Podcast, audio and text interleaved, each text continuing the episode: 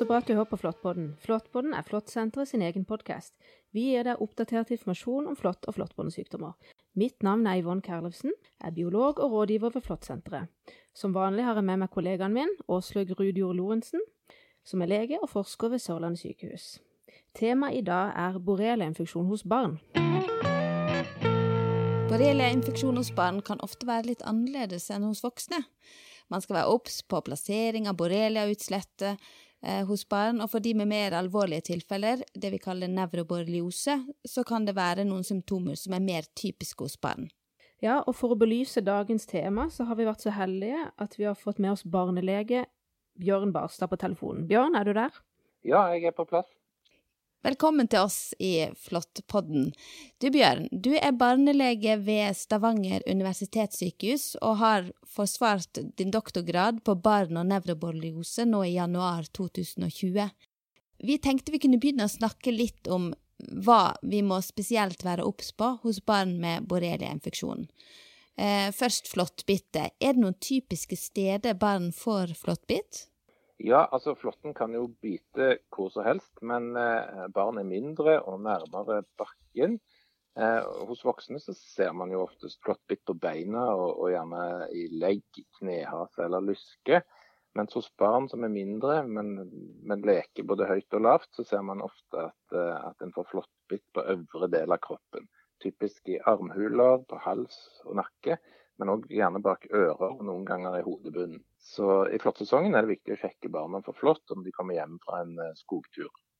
Ja, så det er viktig med en skikkelig flåttsjekk, for barn er jo kanskje ikke så flinke til å sjekke seg sjøl. Eh, men kan du si litt mer om hvor vanlig er borrelieinfeksjon hos barn? Man vet ikke sikkert hvor vanlig det er, men, men, eh, men hudinfeksjon er nok det vanligste. altså tema migrans. Jeg har ikke noe eksakte tall der, men inntrykket mitt er at det er ganske vanlig. Vi ser jo ikke eh, erytema migrans på barneavdelingene, men fastlegene ser jo disse. og Allmennlege Eliassen estimerte rundt 7500 utslett, inkludert både voksne og barn, hvert år på legekontorene rundt forbi landet i sin studie. Ja, så, så, i likhet med voksne så er altså sånn hudinfeksjon eller eritema migrans det er det vanligste symptomet hos barn som får borreliose.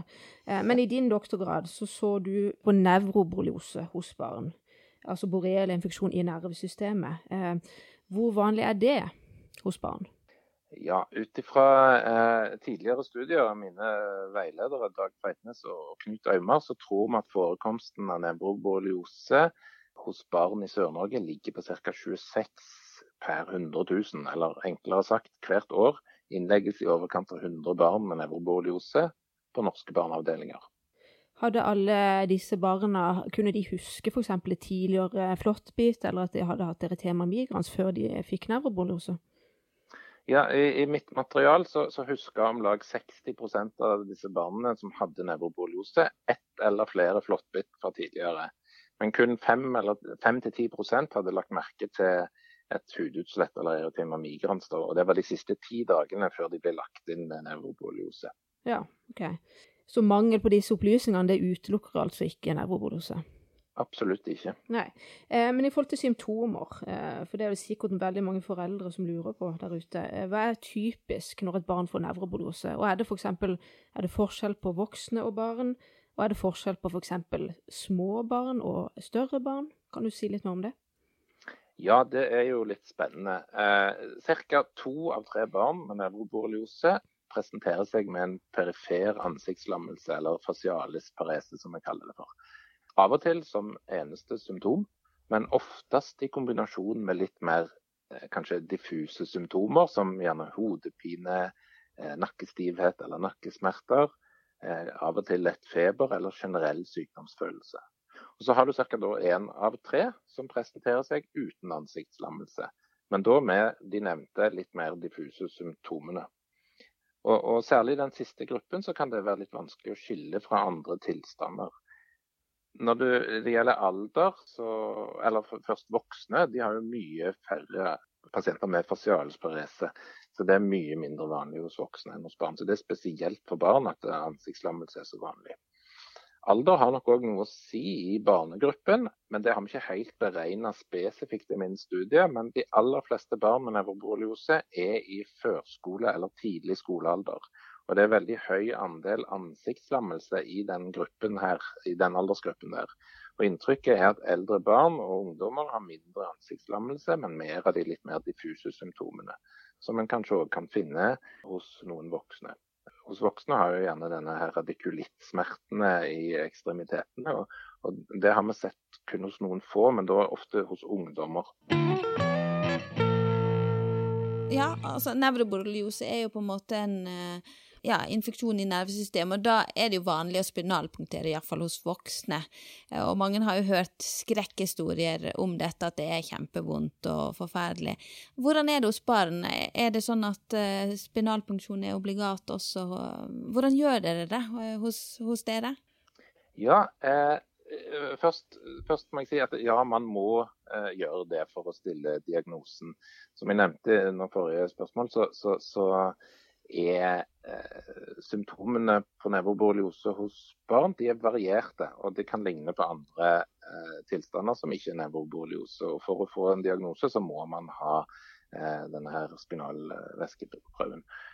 Det er klart at eh, det er et stikk i ryggen, og det kjenner man litt. Eh, men når det selve stikket er unnagjort, så er det mer et spørsmål om tålmodighet i forhold til å kunne ligge stille lenge nok til å få ut tilstrekkelig mengde ryggmargsvæske. I praksis så spinalpunkteres disse barna i sideleie med lokalbedøvelse på innstikksted. Oftest i våken tilstand, av og til lett sedert, altså litt avslappende medisin. Eller i full narkose, alt etter hva barnet er komfortabelt med i situasjonen.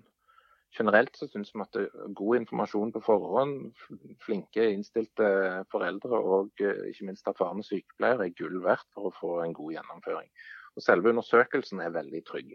Ok, så Hvis jeg forstår deg riktig, Bjørn, så, altså, så er det, det, er jo en del foreldre spesielt kanskje som er litt nervøse før barna skal ta den undersøkelsen. Men, men dere gjør det så trygt og skånsomt som mulig, og risikoen for bivirkninger er veldig liten, sånn som jeg forstår det.